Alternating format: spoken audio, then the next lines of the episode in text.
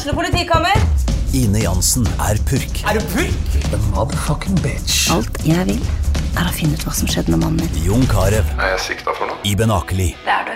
Ole So, Lars Berrum og Big Daddy Karsten. Hvem sin side er du på, egentlig? Anette Hoff, Tone Danielsen, Kommer du fra Afrika?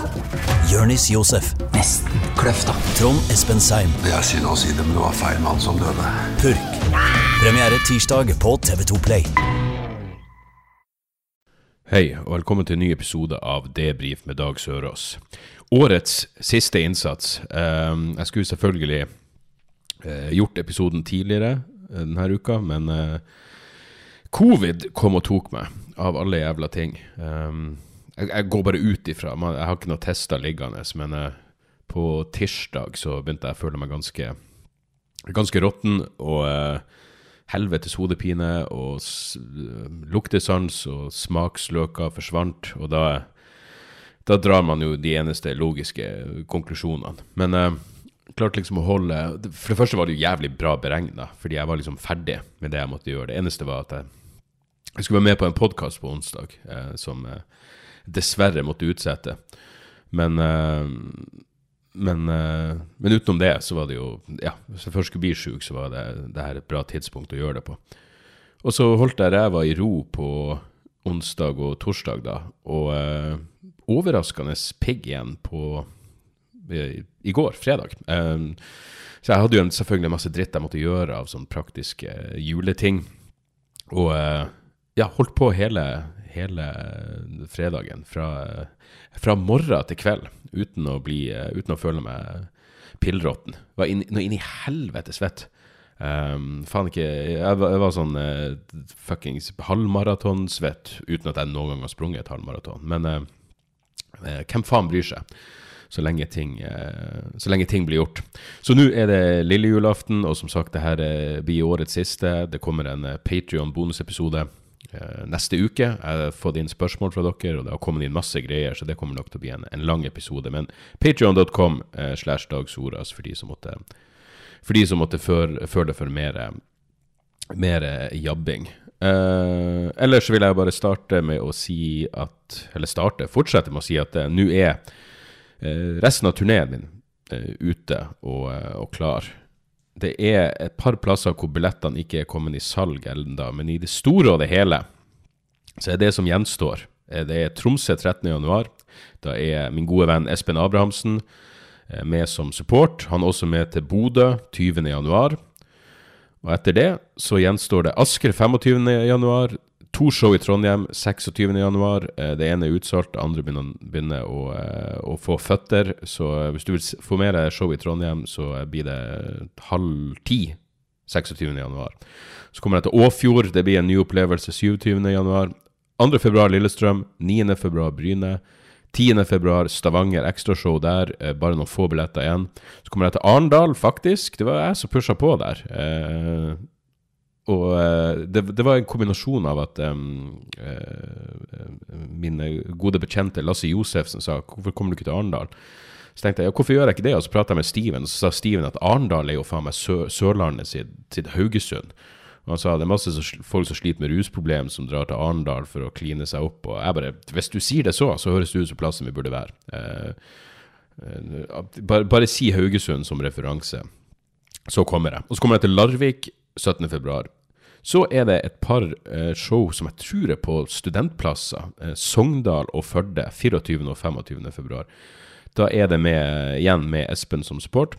Så er det Drammen, et nytt show i Drammen, men det her er på et mye mindre Jeg gjorde jo Drammens Teater, nå skal jeg gjøre Drammen Kulturhus, som visstnok er ei lita scene. Og det er rett og slett for å peise gjennom ting dagen før jeg skal filme showet, med to show i eh, Jakobkirka. 1. mars. Eh, og billetter til alt utenom eh, Arendal og Sogndal og Førde ligger ute på dagsoras.com. Det som også er litt kult, er at eh, eh, godeste Gunnar Tjomli, Glory Hole Gunnar, som er en, en del av showet mitt, han skal være med på eh, Han har bestemt seg for å gjøre et fotoprosjekt. Um, så han ringte meg rett og slett og spurte om uh, han kunne være med på lasset på turen, og så bare ja, være med på alt av reise og backstage og show og forberedelser og hva enn som måtte, hva enn som måtte være. Alt innenfor rimelighetens grense, uh, med visse intimsoner forhåpentligvis intakt. Så, uh, så, så, har han lyst til å gjøre et, et bokprosjekt ut av det her. Og jeg trengte jo egentlig ikke å si ja til en annen enn at ja, ja, det er greit for meg. Selvfølgelig. Det er hyggelig å ha Gunnar med på tur. Han er flink til det han gjør. og han, han, er en flink fotograf, og hvis dette kan være hans inngangsport til å, eh, til å utvide fotokarrieren sin, så er jo det tipp topp. Jeg må si alt jeg vil ha. Jeg vil, gi meg et eksemplar av boka, så er, vi, eh, så er vi good to go. Så det blir jo en litt ekstra det, blir jo, eh, det blir kult. Det blir litt sånn annerledes da med, på innspurten av turneen. Eh, lydmann Steven er jo i Den dominikanske republikk og eh, suger opp sol og blir eh, sugd av sol og, og diverse. Så uh, han storkoser seg der. Uh, så han er ikke tilbake før uh, Jeg tror han kommer Ja, jeg tror han kommer Han drar visst rett til, Trond, til Trondheim. Så, um, så, det blir stas. Ellers, forrige helg så var det jo jobbinnspurt. Da merker jeg virkelig For første gang jeg vet, jeg vet, ikke om det noen gang har vært så tydelig for meg, uten at det er noe negativt i det, men da merker jeg liksom generasjonskløft Eh, backstage, eh, hvor jeg var den gamle. For jeg kan liksom huske eh, liksom, å ha stått rundt på Latter og sånn, og så har det liksom vært ja, vi som er litt ferskere, og så den eldre garde. Nå er det jeg som er den fuckings eldre garde. Og eh, fordi forrige uke så hadde jeg jeg hadde latteruke, og det var jo greit. For liksom kjørte igjennom Ja, fikk prøvd litt nye ting og alt det der. Uh, og Det eneste liksom, målet jeg hadde, var ikke gjøre noe fra Apokalykkeshowet. Jeg, jeg må kunne headline Latter med med kun nye ting. Uh, og det gikk, det gikk bra. Uh, Nå skal det sies, både fredagen og lørdagen var ganske seig for min del, fordi showene begynte halv elleve. Og da kan det være sånn Å, late night, da, det må jo være et livlig publikum. Nei, ikke nødvendigvis. I stor grad så er det folk som De som går på et late night-show, de skal hjem igjen etterpå. De har kanskje vært og spist og skal hjem, så det var en ganske uh, ja, smålaber I hvert fall for min del så var det et smålaber uh, opplevelse. Men uh, Generasjonskløfta slo inn på søndag, for da var jeg med på uh, årets siste hangover-show på, på Njø, eller var på Kosmopolit. Jeg er usikker på hvordan man uttaler det, men uh, jeg, går for den, uh, det jeg har hørt andre si. Uh, og det er jo i samme bygget som Njø. Det er vel Njø som eier den scenen også. Og jeg hadde aldri vært inne der før. Det er faen meg en kul scene, altså. Jeg vet ikke hvor mange plass til det, kanskje 500 eller noe sånt, men det er liksom en balkong hele veien rundt. Det eneste jeg skulle ønske at balkongen var nærmere scenen, men men uh, jævlig fin scene. Og Da skulle jeg være med på Det var uh, Martha Leivestad som lurte på om jeg ville være med på det hangover-konseptet. da Årets siste. Og så skulle jeg jo Jeg skulle uansett oppover fordi New hadde sånn julefest uh, etterpå. Så ja, jeg var der uansett, så hvorfor ikke? Og da var det bare Altså ikke på ingen måte nykommere, men folk som er ferskere i gamet. Og jeg bare kom backstage, og alle dem kjenner hverandre godt, åpenbart. Og ja, jeg fikk sånn Ja, jeg, jeg, vil ikke si jeg følte meg utafor, for alle er jo hyggelige folk, men jeg ble bare så jævla bevisst på at fuck, jeg er, jeg er den eldre garde nå. Jeg, jeg, sånn, liksom, det er jo noe du er klar over sånn rent intellektuelt sett. Uh, altså bare som en sånn faktagreie. Men allikevel, når du, når du opplever det på den måten, så er det sånn uh, uh, Ja, Eh, litt merkelig, men, eh, men, gøy. Jeg ble plassert ganske tidlig i showet, og nå følte jeg liksom Jeg, jeg har noen nye greier om, eh, om det som foregår på Gaza. Og, og ja, nå begynner jeg å få litt, litt schwung på det. Så, så, det ser jeg det, Jeg ser frem til å ja, jeg ser frem til å komme ordentlig i gang med nytt materiale. Straks jeg har fått, fått filma Apokalykke og alt det alt det er unnagjort. Uh, og så var det jo en helvetesfest etterpå. Uh, og uh, ja, gøy var det. Uh, ellers må jeg bare si jeg, ja, jeg ringte Jeg ringte Eller altså, jeg hadde egentlig time hos fastlegen på, på onsdag. hvor jeg, jeg, bestilte time fordi jeg, jeg var sånn Hei, du må, du må, henvise meg videre til en, til en psykolog. Eh, jeg trenger å prate med noen. Eh, pushet kom egentlig mer fra fruen enn fra meg. Og det er liksom Jeg må, jeg må takke dere for eh, jævla mye hyggelige tilbakemeldinger etter forrige Jeg husker ikke om det var på Patrion-episoden som gjorde det, eller, eller bare den vanlige episoden. Men Det er liksom sånn som, som jeg har vært igjennom de siste årene med dere, er liksom at det, det, det er vanskelig å gjøre podkasten hvis man føler Jeg har ikke lyst til at det bare skal være en sånn depressiv eh, sytegreie. Virkelig ikke.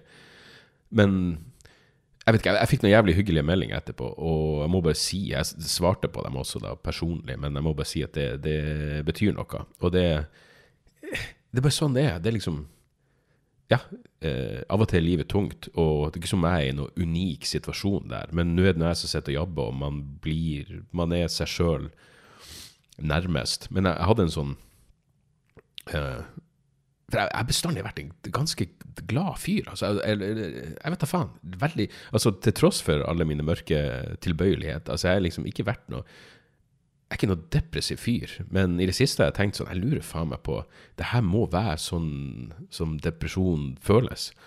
Um, og, og, det skyldes jo selvfølgelig Jeg vet ikke engang om man kan si eksterne ting når det gjelder familie, men liksom når du ser de du er mest glad i Ja, livet er kan jo være røft for de fleste, men jeg husker konkret at det var da jeg, var på, da jeg dro til Ålesund på denne turneen.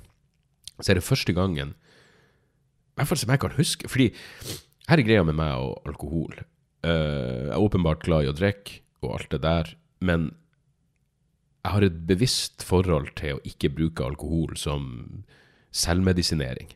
Uh, jeg kan huske at det begynte for Den første gangen jeg ble bevisst på det, var når Og det her er jo nå 14 år siden, eller noe sånt, når jeg begynte å slite med de jævla panikkanfallene, eh, så hadde jeg liksom en måned der som var helt jævlig. Og, da, og det her var jo liksom før jeg egentlig klarte å tenke klart nok til å skjønne at hei, du burde gå til en lege, og det er medisin å få, det er hjelp å få. Jeg bare gikk inn i mitt eget hode. Og jeg var så jævlig at hvis jeg gikk tur med Chomsky Dog, og jeg ikke lenger så huset mitt Her var når jeg bodde, bodde ute på fuckings Mortensrud i tillegg. Eh, så freaka jeg helt ut. Og hvis jeg har jeg gikk tur Sander var, uh, han var jo bare et par år på det tidspunktet. Så hvis jeg og Anne Marie gikk, var ute og gikk liksom søndagsturer, så holdt jeg bestandig kontroll på hvor jeg var, hvilken gate jeg var i. I tilfelle jeg skulle dette om, uh, så kunne jeg liksom rope til Anne Marie Ja, vi er i jeg vet faen, Otto Sverdrups vei. Av en eller annen grunn så var det det. Så jeg tror ikke det er noe Otto Sverdrups vei på Mortensrud. Men uh, bare så, kunne, så, hun kunne ringe ambulansen. Jeg, jeg, jeg hadde det fuckings jævlig. Men i hvert fall, da husker jeg at jeg sto opp på natta en gang. Uh, fikk ikke sove, eller våkna med panikkanfall og bla, bla, og satte meg ned og helte meg en whisky. Jeg, jeg, tror jeg hadde tatt én slurk, jeg husker det ganske klart, én slurk, og så tenkte jeg det her går ikke. Jeg kan ikke fuckings begynne å drikke for å få sove, jeg kan ikke begynne å drikke for å døyve hva enn det er slags jævla kaos som foregår i hodet mitt. Så fuck det. Da må jeg, jeg, må finne en annen løsning. Jeg har ikke lyst til å ødelegge mitt forhold til alkohol på denne måten. Og så, nå da jeg var i uh, Ålesund, så Ja, jeg, jeg følte det var, Ting var ikke bra. Og da tok jeg meg sjøl i å bare begynne å, å bøtte ned på hvitvin på loungen. Og det her er jo på formiddagen. Jeg drakk på flyet, og så tenkte jeg jeg kan bare drikke så mye jeg vil, og så kan jeg bare sove når jeg kommer frem til Ålesund. Og så Og det ble ikke noe, ble ikke noe issue. liksom eh, Ålesund-showet var helt fint, og alt det der. Og, eh, men poenget mitt er bare at da, jeg merka at jeg drakk for å slå av tankene mine. For å ikke føle ting. Og det er ikke bra. Det er ikke sånn forhold jeg vil ha til fuckings alkohol. Det finnes hvis, er, hvis ting er så røft at du er der, så er det andre ting som må til. Så, um, så jeg ringer i hvert fall legen og liksom Eller jeg sendte, liksom, bestilte meg time, og så var det sånn Og jeg har gjort det her en gang før, og da fikk jeg bare beskjed om at hei, det kommer til å være så lang ventetid at det er ikke noe vits i. Det går et halvt år, og så og så får du beskjed om at de ikke har plass til det. Og så, men så sier jeg sånn Ja, men jo Og så forklarte jeg liksom grunnen til at jeg syntes ting var tungt. Og det var sånn, men det kommer jo til å gå over. Jeg bare ja, det går over. I løpet av et halvt år så må vi være på en bedre plass. Og så, når ikke det skjer, så er det sånn faen at jeg ikke bare insisterte på henvisning videre. Og nå fikk jeg beskjed om at nå er det noen nye Ja, det er noen nye ordninger. Ting går via DPS. Jeg vet da faen Jeg, jeg er ikke engang sikker på hva det er for noe. Men, men poenget var liksom at jeg, jeg kom ikke til å få noe Jeg, jeg kom ikke til å kvalifisere til noe psykologtime. Uh, og så fikk jeg link til noe sånn Jeg vet da faen. Lavterskel lokalt bydels lavterskeltilbud. Men da blir det sånn Jeg, jeg vet ikke. Jeg mener, jeg er jo heldig nok til at jeg, jeg, kan jo bare bestille meg en privat psykologtime hvis det skulle bli til det. Men det blir liksom veldig i øyeblikket så er det sånn Fuck, jeg trenger noe fuckings hjelp. Og så når du får litt ting på Det er akkurat som den tanken eh, er så alvorlig at du klarer å skjerpe deg. Så, så uansett, alt det her bablet, bare for å si eh, det, jeg, jeg satte pris på noen noe, noe hyggelige meldinger. Og så håper jeg fuckings går bra med dere òg. Det, det, det, er sånn det er. Det, det er et eller annet med når man går så lenge og syns ting er tungt, så blir det mer som en sånn sorgfølelse. En sånn vedvarende sorgfølelse. Og da kan du bli jævlig selvsentrert. Eh, jeg føler liksom at det, det, det, går begge veier. For på, tid, på, en måte så blir du Det er fort å bli bitter og sånn fuckings Ja, hva enn slags selvmedlidenhet man føler. Og så kan du bli veldig innsnevra og tenke fuck verden for øvrig, fordi Samtidig så får du jo eh, mer eh, medfølelse for medmennesker. Eh, og som jeg, som jeg, alltid sier når jeg jævla mantraen min, du vet aldri hva som foregår i hodet på folk. Du vet aldri hvilken dag folk har. Og det er liksom bare småting. Det, det er akkurat som du blir sånn Ja, jeg hadde en sånn Jeg bare, jeg var på vei til butikken, og så var det en, en eldre herremann, en ganske bratt bakke i nærheten av der jeg bor. Og han var altså, han hadde stokk, og han var så dårlig til bein, så han var begynt å gå nedover bakken. Uh, så jeg bare jeg, bare, jeg, var, jeg var på vei i motsatt retning, så jeg bare sa til han skal jeg, skal jeg, skal jeg hjelpe deg ned bakken? Og han var skikkelig takknemlig. Jeg føler at det kan gå to veier. Det var Nesten i bakhodet mitt så var det sånn Hva hvis han bare sier nei, jeg trenger ikke noe jævla hjelp? Du, det er alltid en risiko for det med noen gamle grinebiter. Men han her var bare oppriktig glad for at jeg, jeg ville hjelpe han. Uh, fordi han var liksom i gang. Han hadde, det var, det, det var, han hadde ikke gått så mange skritt, men det var fortsatt point of no return. Han kunne ikke gå bakover. Så uansett, poenget mitt er bare at da, ja, da hjalp jeg han ned bakken. Og det, den lille, bitte lille greia der, den, egentlig den selvfølgeligheten, det gjorde liksom at jeg følte meg litt bedre. Og da skjønner du der, at hei, du må ut av ditt eget, din egen selvmedlidenhet, eller hva enn slags jævla Ja, den, den bobla man, man sjøl vandrer rundt i. Så uansett, ting eh, fuckings eh, ordner seg. Hva annet kan du gjøre? Ellers hørte jeg eh, ja, så, ja, så En annen hyggelig ting var at jeg ble Jeg husker ikke om jeg prata om det, men jeg ble invitert i bryllupet til uh, Brian Hennigan, som er manageren til Doug Stanhope. Og så fikk jeg melding fra Vi, vi sender meldinger til hverandre i ny og ne. Brian er en fin fyr. Uh, jeg husker Stanhope sa til meg en gang Du må ta det som et kompliment at Brian liker deg, for han hater alle. men vi har nå Jeg vet faen, av en eller annen grunn så vi, vi, vi, vi, har en, en god tone. Uh, og så sendte han meg melding om at han skulle invitere meg i bryllupet, men da skrev han til sommeren. Og, uh, uh, og jeg tenkte sånn Og så sa han jeg, jeg, skjønner selvfølgelig at du ikke kommer til Las Vegas. Og jeg bare fuck, ikke vær så sikker på at jeg ikke møter opp. Og så fikk jeg omsider invitasjon i posten, og så er det 29. februar. Og det er jo liksom Ja, jeg, jeg har jo show, da. og filmer jo showet mitt dagen etter. Så jeg svarte det at det går dessverre ikke. Og hadde det ikke vært for det, hadde det vært i sommer, hadde jeg hatt fri, så hadde jeg fuckings reist over. igjen fordi det ville vært hyggelig, og fordi vi sto for historia sin del, og alt det der opplegget. Jeg ville vært så Ja, jeg ville vært klar for en fuckings uh, For en fuckings Vegas-tur, men, uh, men, den gang ei, dessverre. Uh, så, så, vi får se. Det er jo alltid et håp om at han skiller seg og gifter seg på nytt igjen, men jeg, jeg, ser det ikke helt for meg. jeg har sett bilder av hans, og han har dratt seg langt utenfor sin liga, som han ofte gjør. det er nok absolutt noe i der at damer er mindre visuelt si overfladig eller opptatt eller uh, visuelt sentrert enn en, en, en, type er. Så sånn eh, er nå det. Utenom det så må jeg bare si, eh, på sånn, siden man nå er i sånn eh, nostalgisk, eller hva man skal kalle det for noe, eh, modus det, det sånn Jobbmessig for meg så har det her året vært fuckings fantastisk. Um, jeg har kosa meg noe så inn i helvete. Jeg må virkelig takke alle som har uh, som har kjøpt en billett til turneen min og bidratt til at for meg så har det her vært den klart mest uh, vellykka turneen jeg har gjort. Både liksom hva man skal kalle artistisk. Jeg er fornøyd med Apokalykkeshowet, og, og i forhold til at folk møter opp. Um, det er et jævla Et variert jævla publikum. Jeg, fucking, jeg digger det. Dama mi var og henta noen noe medisiner til Morty Dog, uh, og så sto de i mitt navn, så hadde hun som var i kassa på apoteket, sagt Og Dag Sørås hun hadde vært på showet mitt på Sentrum Scene og digga det. og, så, og så sa han Maria, og det var ganske ung dame, og jeg bare fuck, det er så jævla kult at jeg har alt fra unge damer til gamle gubber, liksom, at det kommer venninnepar i tillegg til eh, til, godt, til, til fuckings folk som er i slutten av ja, i 70-årene, eh, og koser seg. Det syns jeg er så jævla Det er meget, meget eh, så jævla gøy. Så, eh, så det har vært fuckings knall. Eh, og jeg, tror filminga skal bli fet. Og det skal bli bra Og da ekstra, selvfølgelig ekstra kult at Gunnar er med og skal dokumentere innspurten på turneen, sånn rent si visuelt. Så, så takk, virkelig. Nå inn i helvete. Uh, kjipt år på mange måter, men det ville vært adskillig verre hvis ikke, hvis ikke den uh, si den, den, jobbmessige delen hadde vært så bra. Så det blir jo de evinnelige de evinnelige paradoksene. Uh, ellers så hørte jeg på det var, noen, det var, en fyr som sendte meg på Twitter i går. Det her er altså så jævla kleint. Hva var han skrev for noe? Uh, uh, uh. Det var Rogan, da, selvfølgelig. Og Rogan Jeg, jeg, jeg, liksom, jeg har gitt opp. Men han, han, skriver bare 'flyter fortsatt bra hos Joe', skal vi se.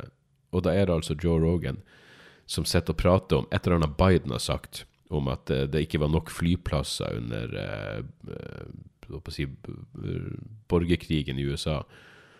Og så skjønner han ikke sånn sett liksom, at Biden sier det her og prater om flyplasser. og det, det, han, det er klart han kan ikke være president, og hva en slags jævla tomsing han har som gjest, selvfølgelig å jatte med. Og så er det han Jamie, da, som er han fact-checkeren til Joe, som påstår at du eh, Biden gjør bare narr av Trump. Det var Trump som sa det, og så spiller de av et opptak av Trump. Og da ser du Rogan bare sitte der. Hører på det, innser burde innse hvor inn i helvete flaut det er. Han skal ha at han ikke klippet det bort, det, det, må jeg si. Men det tror jeg like mye skyldes latskap. Og så kuttes bare klippet. De sitter og hører på Trump sier det, og da er det sånn ah, ok. Og så sier man andre fyren ja, men du vet med media nå, og så kuttes klippet. Og da skjønner du, det, det, det, det, her er ikke en åpning for selvrefleksjon hos Joe Rogan. Selvfølgelig ikke. Og han er bare, for meg, nå er det sånn Han er bare et ekstremt uinteressant menneske. Liksom, jeg bestandig syns Rogan var en eksepsjonelt middelmådig komiker. Men jævlig god i intervjuet, og liksom tidvis en ganske interessant fyr. Det, det, er helt over. Og jeg hørte faktisk på episoden hvor han hadde Tim Dylan. Eh, og det er altså Det er Jeg mener, Dylan er i det minste gøy. Rogan er bare dypt uinteressant. Eh, jeg mener, de tingene han prater om eh, Igjen, Alex Jones har rett i så mye. Hva er det dere fuckings prater om? Eric Weinstein vet hva som foregår med ufoer. Å ja, virkelig? Biden suger, sier du det? I tillegg har Joe Rogan, og sånne jævla arkeologispekulasjoner som ville fått fuckings Graham Hancock til å rødme. Og Dylan, Dylan er i det minste gøy. Rogan er bare partisan, uinteressant, fuckings uh, republikaner, enkelt og greit. Han har ingenting nytt å si, ingenting av interesse, ingenting av substans i det hele tatt. Så eh, nei, fy faen, altså. Den fyren. Eh, er det bare en gubbe? Er, det det, er han for gammel til å liksom gidde å gå i seg sjøl? Har han ikke selvrefleksjon? Jeg aner ikke, men et eller annet har skjedd. Og, og trist er det jo, med tanke på hvor, eh, hvor sinnssykt mange han, han når ut til. Uh, utenom det så er det, er det, et annet spørsmål jeg har fått uh, flere av. Så er det jo Og jeg skjønner jo uh, at at, jeg, mener, jeg, sier, jeg, jeg, skjønner ikke at folk spør meg, men jeg skjønner at folk eh, er ute etter eh, bøker som på en nyansert måte eh, forklarer Israel-Palestina-konflikten. Og igjen, her blir jo, eh, her blir jo problemet at eh, Skal vi se, jeg bare søker opp her. Khalidi. Her blir jo problemet at uh, i den tida hvor jeg leste mye om Israel-Palestina-konflikter, så var jeg jo en uh, en klassisk uh, venstreradikal. Så det er jo så mye av det jeg har lest som jeg føler sånn Ja, jeg må gå tilbake, jeg må dobbeltsjekke. Skal vi se her Helvete, var det ikke Rashid Khalidi han heter? Uansett. Der var den, for faen. Så, så uh, Og igjen, her er greia. Hvis du liksom det, det, Så det jeg leste, var liksom Ja, det, det du vil forvente. Det var, det var Norman Finkelstein, det var, det var Ilan Papey, det var selvfølgelig Chomsky. Uh, men, men så Jeg vet ikke. Det, det er liksom objektivt. Så jeg, jeg mener det finnes uh, Jeg har ikke lest den ennå. Det, det finnes um, Det er en sånn bokserie som heter A Very Short Introduction. Uh, Nå vet ikke jeg helt hvor uh, Skal vi Jeg tror Jeg mener bestemt de har Jo, The Palestinian-Israeli Conflict. A Very Short Introduction. Jeg vil jo tro, hvis du er helt fuckings og ikke har den fjerneste anelse om hvor du skal begynne, så vil jeg tro det er en ganske grei plass å starte. Kom, det er Oxford University Press, og den kom ut i 2013. ja, ok. Så da vet du i hvert fall hvor den, hvor den stopper. Men utenom det så er det sånn Ok, så, så, Norman Finkelstein er jo en, en polemiker. Um, jeg leste jo han som bare en, en form for objektiv uh, En objektiv observatør som bare refererte til det menneskerettighetsorganisasjoner sa. Og så skjønner jeg jo at nei, men av og til kutter man sitatene der det passer deg best for å fremme dine, uh, dine argument.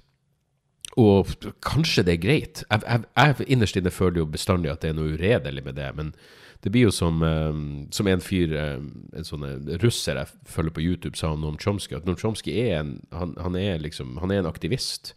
Og da forventer du noe annet enn du gjør fra f.eks. en historiker. Um, så, så, her er det jeg tenker. Uh, for, og selv om du er historiker, det er, det er ingen objektiv. liksom hvis du, en, hvis du, tar en, konflikt som har pågått så her lenge, liksom, og uh, og som faktisk er komplisert. Det var en av de tingene Norman Finkestein hele tida sa. Det er ikke noe komplisert. Det er bare å ja, implementere 242-resolusjonen, og så er det greit. Og kanskje på et eller annet tidspunkt så var det Så stemte det. Men i hvert fall nå etter 7. oktober så, så er det ikke så lett å vite eh, hva i faen man ville gjort, selv i en ideell verden, gitt, gitt det horrible utgangspunktet. Men, men alle historikere vektlegger jo ting. Så, så hvis du har litt tid Eh, og, liksom, eh, og, og, virkelig interesse, så ville jeg lest Jeg ville lest Benny Morris, som er en sånn eh, helt mainstream og visstnok veldig eh, Jeg mener, han, han, har, han, har, flere bøker eh, om Israel-Palestina-konflikter, men han har Men Righteous Victims, vil jeg tro, som liksom går fra fra slutten av 1800-tallet 1800 frem til begynnelsen av 2000-tallet. Han har en bok om 1948, den første uh, første liksom, ja, det, det Palestina kaller Nakba, men opprettelsen av Israel. Uh, han skriver bok om, om tostatsløsninga. Benjamin Morris, da får du Og her er greia, er han pro-israelsk? Vel, han er jo ikke anti-israelsk på noen som helst måte. Men, men etter som jeg forstår, så skal han være en ganske redelig eh, historiker. Og det er klart, alle vektlegger ting, man vektlegger forskjellige ting.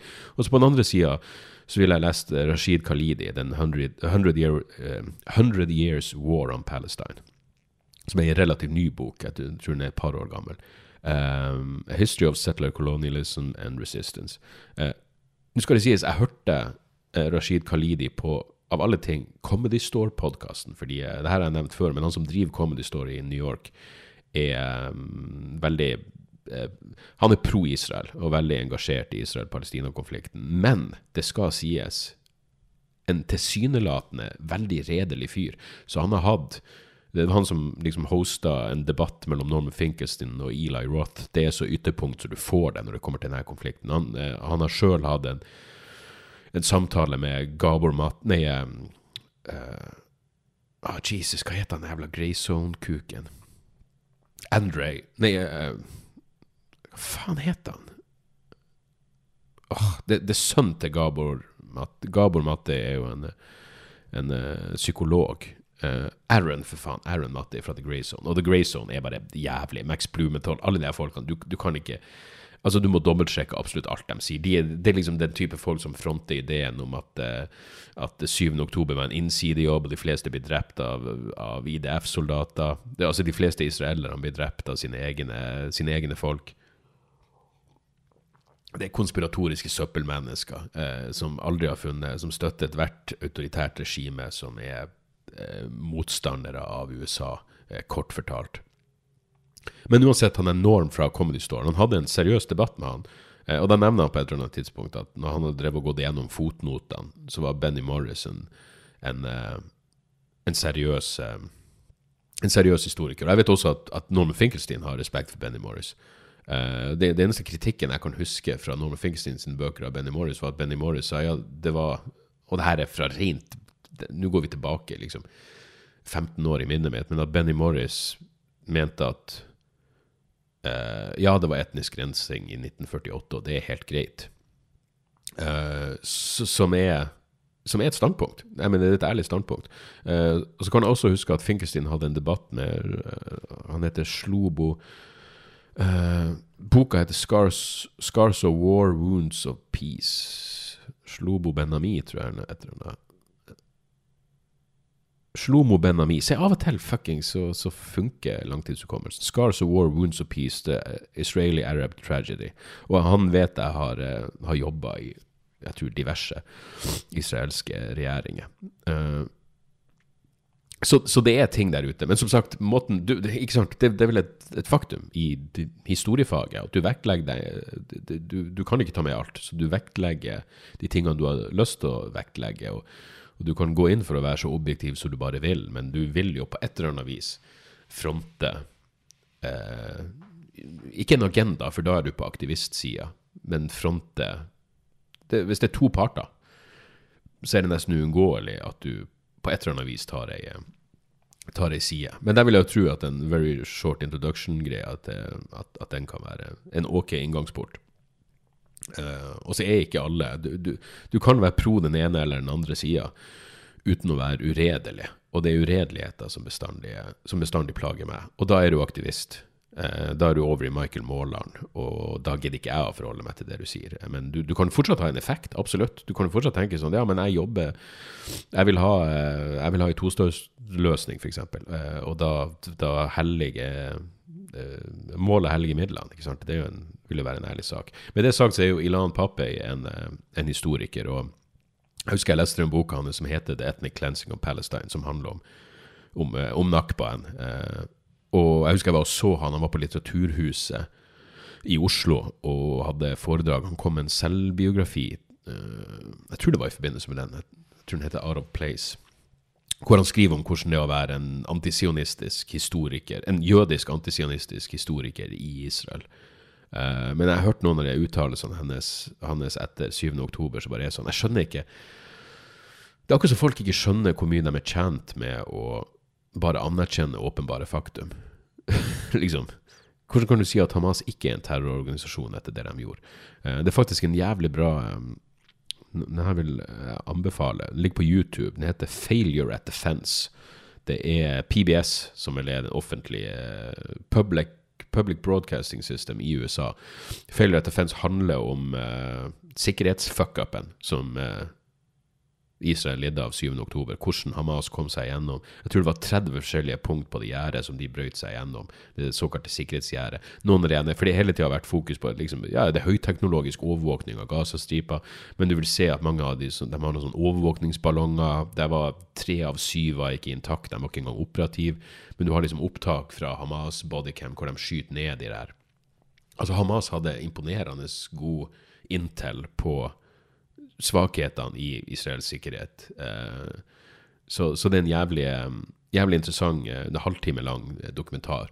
Og,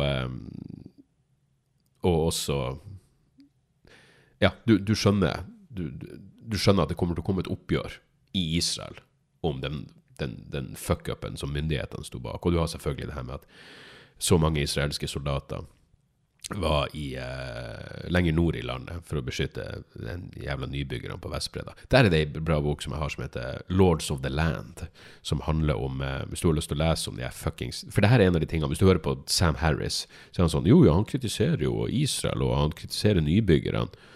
Uh, se hvem som skrev den boka. Det er liksom vanskelig nå når jeg pakker ned alt jeg har. Faen, det er mange bøker som heter Lords of the Land, merker jeg. Men hvor jævlig og kontraproduktiv de en De De forbanna fanatiske nybyggerne er. Heter den ikke Lords of the Land? Når den ikke dukker opp på Amazon, så er det sånn Jeg tror den boka kom sånn uh, Jeg tror den kom i 2007. Der, ja, for faen. Den heter Lords of the Land, The War for Israel's Settlements in the Occupied Territories. 67 til 2007. Ja, se der. Av Edith Sertal. Ja, jeg, jeg kan legge de her bøkene som jeg har nevnt, i, eh, i, i, i shownotesen for de som måtte bry seg. Men det er åpenbart noen som, som bryr seg. Jeg skjønner jo liksom, jeg har den samme snevne Det er det jeg bestandig sier, hvis det skjer et eller annet i verden, så, så er det sånn Jeg har lyst til å forstå Jeg hater den følelsen av Ikke fordi jeg innbiller meg at jeg kan forstå alt, men jeg hater den følelsen av å ikke ha noe kontekst for hva som foregår.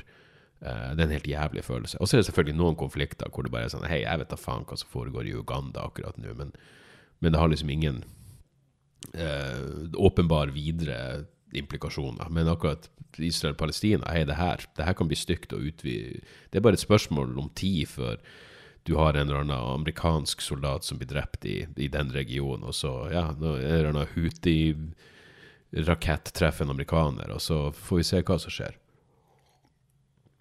Så fremtida er er jo spennende, dere. Uh, det er også en av de tingene som jeg bare må si, som er sånn For jeg mener, det som foregår på Gaza, er jo så hinsides uh, fatteevne og jævlig. Men når folk er sånn Ja, vi må ha våpenhvile. Igjen, jeg, har ikke lyst til å være en fuckings hipster, men da er det sånn Ja, men hva, hva, er, hva, er, det egentlig du ber om her? I våpenhvile som bare stopper for å få inn Krigen blir å fortsette. Hamas er ikke interessert i våpenhvile. Jeg, heller mer og mer mot det der at ja, fuckings målretta Gå etter Hamas på en atskillig mer målretta måte ville vært den rette måten å gjøre det på. Og av alle ting Jeg har bestandig sett på Thomas Friedman fra New York Times som en fuckings fuckings posør av eh, lettvinte løsninger. Men han hadde det intervjuet med han på eh, en, en, veldig bra podkast, det heter Non-Zero Podcast med Robert Wright, eh, hvor de prater. Og da sier han de, de kunne bare kunne bare ikke respondert i det hele tatt, og så bare gått etter uh, Altså utover og bare gått etter, eh, gått etter Hamas atskillig mer eh, spesifikt.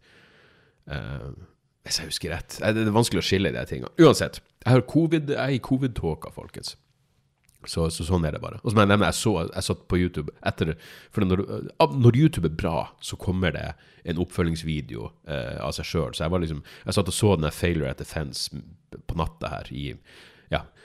Eh, jeg tror når du er sjuk, og så sover du hele dagen, og så plutselig innser du at fuck, jeg klarer faen ikke å sovne på natta.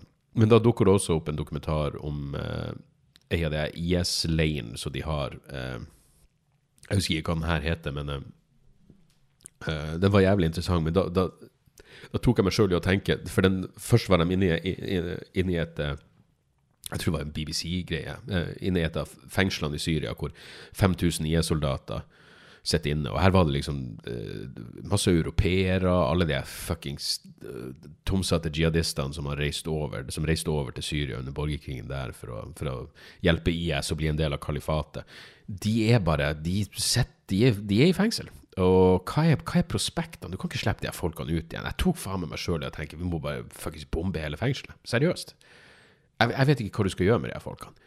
Uh, det, det, er så vanskelig å se for seg du, du, må bare ha dem der. Du må bare oppholde dem der, da. Det er klart, Tenker man sånn, så er det jo selvfølgelig per definisjon Da er man jo pro dødsstraff, for det vil jo alltid være folk som sitter i fengsel hvor, hvor du aldri kan slippe dem ut igjen. Jeg mener, ref fuckings uh, Var det ikke noen ny vurdering av Breivik nå, hvor det bare er sånn han er mer interessert i å uh, bare påføre storsamfunnet massive mengder vold enn noen gang. Så hva skal du gjøre med denne fyren? Uh, det er ikke moralsk forkastelig å tenke at ei sprøyte med litt uh, med litt giftstoffer i armen hadde vært en like bra løsning. Det syns jeg virkelig ikke. Men jeg, jeg, skjønner jo at de videre det, måten å, å, se prinsipielt på det blir jo vanskelig. Og det er jo i høyeste grad rettssystemet sin jobb. Så.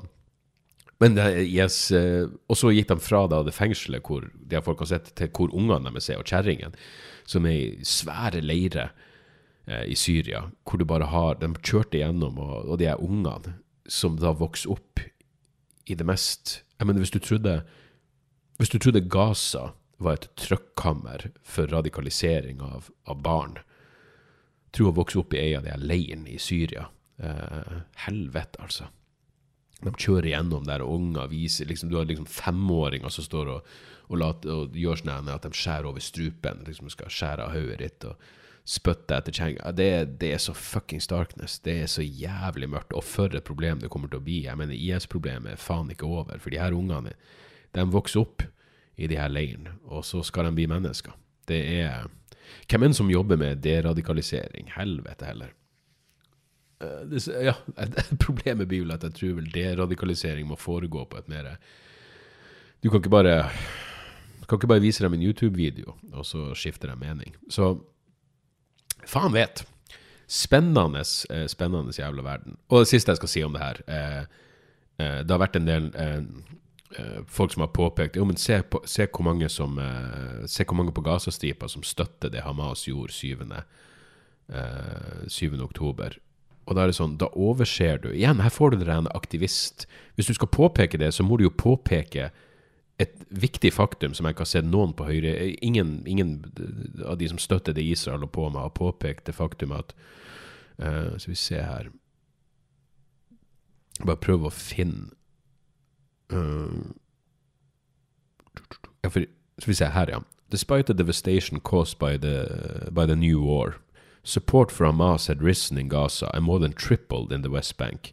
52% of Gazans and 85% of West Bank respondents, or 72% of Palestinian uh, respondents overall, voiced satisfaction with the role of Hamas in the war. Og så er det sånn Det høres jo helt uforståelig ut, men verdt å, påpe, verdt å legge merke til da. Eh, 52% på Gaza, de som virkelig nå betaler prisen kontra 85% eh, på Vestbanken, Vestbredda. Um, men her er det faktumet som jeg ikke har sett noen av de som, som bruker det her som en illustrasjon på at vi må bare bombe de her folkene. 10% av de eh, 1700 personene som svarte, sa de hadde sett bevis for at Hamas begikk krigsforbrytelser 7.10. Så de vet ikke. Så hvordan ville de her hvordan ville det her sett ut hvis de da hadde fått sett en 45 minutter lange kompilasjon av, eh, av fuckings slakt av sivile eh, som er der? Hvis de hadde sett noen av de her videoene, som vi alle kan se, på X primært, da, men som ligger der ute, av horrible jævla eh, drap på sivile utført av Hamas, krigsforbrytelser Om krigsforbrytelser skal ha noen form for fuckings eh, definisjon ville det sett annerledes ut hvis de faktisk visste, eller er det den nær uvitenhet, da? Eh, og kan du klandre folk på Gaza for at de ikke har fått med seg det her? Eh, de lever tross alt, bokstavelig talt, i et teokratisk diktatur. Så, eh, så jeg vet da faen. Det er ikke så oppløftende som det her burde være i juletider. Det er jo Jesu bursdag, for faen. Hva ville Jesus, hva, hva ville Jesus gjort? Han ville ikke Jeg vet da faen. Jeg tror ikke han ville Jeg tror ikke han ville uh, jeg tror ikke Jesus og Benjamin Netanyahu sine moralske kompass er liksom kalibrert på samme måten. Det velger jeg ikke tro. Uansett, vi, vi, må dra det i land der. Det her ble jo eh, det, her, det her, ble nå det det ble, uh, for å si det sånn. Men, uh, men nok en gang, uh, takk for at dere hører på, folkens. Og neste Nå flytter Nå tar vi over en ny kåk i slutten av januar. Fortsatt ikke fått solgt her. Det får vi ta. Hvis dere vet noen som er interessert i å flytte til Manglerud, det er fuckings trivelig. Jeg, jeg å, vi flytter ikke så langt unna, men jeg kommer til å savne det her nabolaget. Det er altså så jævla trivelig på alle måter. Jeg, jeg hadde en sånn en gang hvor jeg bare Jeg husker ikke hvor jeg hadde vært henne, men jeg kom hjem, kom hjem fra en jobb, og så Jeg får sikkert bak... Jeg, jeg får ofte sånn hvis jeg er bakfull, men glad. Da blir jeg sånn Da kan jeg bli litt sånn Sentimental er ikke dette ordet, men uh, ekstra følsom. Uh, og hvis det er kombinert med at, at, ting er bra, at jeg er på en bra plass, så blir det Jeg husker jeg gikk forbi Det sitter bestandig ei sånn dame og tigger med T-banestopp. Jeg tror jeg ga henne 200 spenn. Og så hadde jeg et sekund hvor jeg nesten ble irritert for at hun ikke anerkjente hvor mye jeg ga henne. Men jeg snappa heldigvis fort ut av det. Jeg husker denne dagen så jævla tydelig. Det, det, det, er en god del år siden, men jeg husker det var på sommeren. Og så gikk jeg hjem og uh, jeg gikk hjem og henta Chomsky, og så tok jeg han med ut. Og så gikk jeg bare og vi, vi gikk en tur, og det var liksom sol, og fuglene kvitra, og livet var bra. Og så, da tenkte jeg bare sånn Faen, altså. Eh, jeg er en privilegert person, og jeg bor på en hyggelig plass. Eh, så, så Manglerud er fuckings trivelig. Og særlig hvis dere er i noen sånn etableringsfasen med småunger og sånn. Det, det, er en fin plass å bo. Så, um, så vi kjører nå på med ny, ny visning i jeg tror det er 14. januar. så håper jeg vi får solgt her. Men um, uansett, det er nå materielle ting, og, og overkommelig uansett hva som skjer. Men jeg gleder meg til å komme, komme inn på det nye kontoret. fordi det å bo sånn her nå, med hvor alle, alle bøkene mine er pakka ned, alle ting, jeg vet ikke hvor noe er, jeg vet, jeg vet hvor mobilladeren min er, det er stort sett det hele. Jeg måtte bare si til Anne Marie her om dagen sånn, vi har ingen leselys her. For alle det, igjen, det er jo ikke noe funksjonelt, det stylingtingene. Det er jo ingen av de lysene som funker ordentlig. Det skal jo bare se ok ut på visning. Uh, så jeg, jeg, gleder meg så til å, til å Ja, å, få et nytt kontor. Og få fuckings tingene mine. Jeg, jeg, er avhengig av tingene mine, merker jeg. Det er virkelig en sånn uh, Jeg trenger å vite hvor jeg har fuckings greiene mine. Uh, og skjønner også hvor jævlig mye nå sa jeg, jeg har nevnt den dokumentarserien som heter 'Dispatches from the Well', hvor, han hvor han, Camille Foster fra Fifth Column-podkasten En sånn YouTube-intervjuserie hvor han er på Jeg tror det heter The Santa Fe Institute i New Mexico. Uh, hvor forskjellige typer uh, vitenskapsfolk og forskere, alt fra liksom, folk som jobber mer i uh, Herregud, hva, kaller man seg? The Humanities. Ja, Heter det humanistiske fag? Gudene, jeg, jeg, jeg, klarer ikke å finne ordene nå, men The Humanities og The Hard Sciences, hvor de liksom er i lag på et institutt, og da prater de om eh, Og Cormac McCarthy hadde liksom et kontor, han hadde et leserom der, og han satt der og skrev eh, The Road, tror jeg, flere bøker. Og ja, jeg skal lese Blood Meridian nå i løpet av, eh, i løpet av jula. Men det er en av dem som jeg tror en Krakauer, han matematikeren, som sier at han, de vil lage noe som Eller sånn estetisk innbydd til kreativitet. Så det er viktig. Jeg er i hvert fall en person som er avhengig av hvordan jeg har det rundt meg. Derfor jeg ikke kan sette meg ned på et bibliotek og skrive vitser. At jeg trenger Ja, omgivelsene betyr noe for meg. Og det er Sånn er det bare.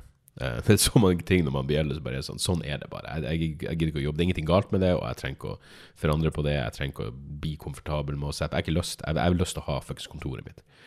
Jeg har lyst til å ha det innredd sånn som jeg vil. Uh, og det, det, ser jeg frem til. Poenget var jo bare at da kommer podkastene igjen regelmessig. Uh, og de av dere som støtter meg på Patrion, dere skal få ekstra. Jeg, jeg, tror jeg blir å filme når jeg driver og innreder ting. Jan Tore Kristoffersen, arkitekt, geni, ekstraordinær han viste meg noe sånn dataprogram som han bare satt på to sekunder fiksa. Jeg bare sendte han eh, plantegninger for kontoret, og da hadde han liksom visst hvordan det ville bli med bokhylle. For jeg har lyst til å få en fyr inn til å bygge bokhylle. Hvis dere kjenner noen som er flink til sånn, rop ut. Uh, hvis ikke, jeg, jeg, går nok for mitt anbud igjen. Uh, men eh, men ja, da, da, da, da, kommer ting regelmessig. For jeg, jeg skjønner jo med de podkastene jeg hører på, jeg liker at jeg vet hvilken dag det kommer på. Eh, hvert fall hvis det er en sånn mer eller mindre eller ukesaktuell greie, så er det greit å vite når man, eh, når man kan regne med at det kommer en ny episode. Eh, og som sagt, eh, bonusepisode for Patreon skal, skal, jeg ta opp i, i romjula, så dere får, den, dere får den neste uke. Uansett, et par tips på slutten. Jeg så filmen May December av den nye filmen til Todd Haines i går. Uh, meget, meget bra. Uh, handler om um, jeg vet ikke om, jeg tror ikke den er på, jeg så den på den amerikanske Netflix. Jeg tror ikke den er kommet. Jeg tror det er Netflix-produksjon, faktisk. Jeg er ikke helt sikker. Men, uh, men i hvert fall um, Natalie Portman og um, Faen, jeg måtte google. Hun er 42. Helvete. Hun er Det er nesten så jeg, liksom, liksom sånn Natalie Portman er jo selvfølgelig en nydelig dame. Det har hun bestandig vært. Men når først i denne filmen jeg så sånn, hun hadde en liksom, karakter som var sånn Det, det kunne du sett for deg at du ble forelska i. Um, um, og så er det jo um, Julianne Moore. Uh, så, så historien er kort fortalt. Julianne Moore er ei dame som var lærer, og så ble hun sammen med eleven sin da hun var 36 og han var 13. Og så har hun sittet inne for det, og så eh, har hun for, de har bare fortsatt forholdet, og nå er, er, han fyren da voksen, og de har to barn sammen. Og så spiller Natalie Portman en, hun spiller en skuespiller som skal være med i en film om denne historien. Så hun skal liksom henge med de her personene for å, for å kunne gi et mer realistisk portrett av dem som mennesker. Og det, det, det her er faen meg Den, er, den, er, den, den, den uh, promoteres Eller altså det, folk påstår at det er en komedie, og jeg kan se humor i mye fucked up, men jeg, jeg klarer ikke Jeg må se den igjen, men jeg klarte ikke å se det humoristiske i den. Jeg syns det var en meget bra film. Uh, og kanskje et eller annet lag jeg gikk glipp av, jeg må se den på nytt igjen. For jeg er veldig sånn Når jeg ser noe for første gang, så er det sånn Da er jeg veldig til stede. Jeg, jeg, jeg, tenker ikke utover det jeg ser på. Jeg må se det flere ganger for å liksom klare å ta inn over meg liksom videre tematikk og, og ditt og datt. Uh, men humoren var liksom Det var et par morsomme ting, absolutt, men å liksom si at dette er en komedie, til, til og med en mørk komedie Jeg vet da faen. For meg var det mer et trist drama, men, men det er mulig jeg må se den flere ganger. Men May December kan, kan absolutt eh, anbefales. Og som jeg anbefaler i bok, og det er boka til eh, Peter Hotes eh, Hva heter den igjen? The Deadly Rise of Anti-Science. A Scientist's Warning. Peter Hotis er jo den fyren som, som, har vært gjest hos Rogan, og så Rogan hengte ut og var sånn Ja, hvorfor vil du ikke ha en debatt med Brett Weinstein om fuckings vaksinene funker? Og så er det sånn Peter Hotes er en vaksineekspert. Hvorfor skal han snakke med en jævla fuckings tomsing av en konspirasjonsteoretiker? Det gir ingen mening. Peter Hotes har også ei datter med autisme, og han skriver bok om det, om at vaksine ikke førte til dattera sin autisme. Men eh, hvis du, som meg, er redd for økende antivitenskapelige bølger i fuckings samfunnet, så, så, kan denne boka anbefales. The Deadly Rise of Anti-Science, A Scientist's Warning av Peter Hotes. Um, og så la jeg ut ei sånn um, Så la jeg ut ei uh, topp ti-liste uh, over mine favorittskiver i år. Um, jeg endte opp med å ha Wayfarer Jeg vet ikke om jeg prata om den på podkasten, men Wayfarer uh, American Gothic på, uh, på førsteplass. En fantastisk uh, kombinasjon av av eh, amerikaner og, og, black metal. Og det, den er liksom sånn eh, eh, det, det, det, er, det, er liksom låter der som jeg bare tenker sånn Den her kunne blitt spilt på eh, Det er deler av den siste låten på skiva som jeg tenker sånn den her kunne blitt Når jeg hører den låten, så tenker jeg at den her kunne gått i bakgrunnen i, i, den baren i Westworld hvor de eh, sexarbeiderne jobber. Den, det er noe med pianoet der som bare faktisk passer perfekt inn. Så det er en fantastisk skive. Wayfarer, American Gothic. Men jeg tenkte jeg skulle tipse om en skive som ikke kom med, fordi igjen, du skal ha topp ti. Det er jævlig vanskelig. Men en skive som like gjerne kunne havna der, er jo A Spirit Possession of the Sign. Altså, det her er sånn Altså, jeg, jeg hadde den eh, Necropanther-skiva som nummer ti, Betrayal. Og da tenker jeg sånn den her skiva det jeg liker med Necropant Jeg elsker skiver når det føles som om ting kan Hva eh, man sier, get off the rails, komme ut av kontroll. Det, liksom, det føles så kaotisk. Men, men Necropanther klarer å holde det tight nok, men Spirit Possession, der er det nesten så det bekker over. Altså, gitarene er spinnvill. Uh, det er noe Celtic Frost-greier gående. Uh, det er dritfett. Altså, sjekk ut hvis du liker vill trash eh, kombinert med noe sånn black og death metal. Det er um, Spirit Possession of the Sign. Eh, så ja, det burde jo være nok til å få deg gjennom eh, til å få deg gjennom høytida. Uh, uansett, dette ble en lengre episode enn jeg hadde tenkt, men, um, og bedre sent enn aldri. Men, men, takk for at dere hører på. Dere er, de av dere jeg hører ifra, er jævlig fine folk. Uh, takk igjen til alle som har investert i en billett til turneen. Det betyr sykt mye. Og så um, kommer jeg sterkere tilbake til neste år. Jeg er glad i dere. Nytt, god jul, godt nyttår og alt det der er der. Tjo og hei da. Har du et enkeltpersonforetak eller en liten bedrift? Da er du sikkert lei av å høre meg snakke om hvor enkelt det er med kvitteringer og bilag i fiken, så vi eh, gir oss her, vi. Fordi vi liker enkelt. Fiken superenkelt regnskap.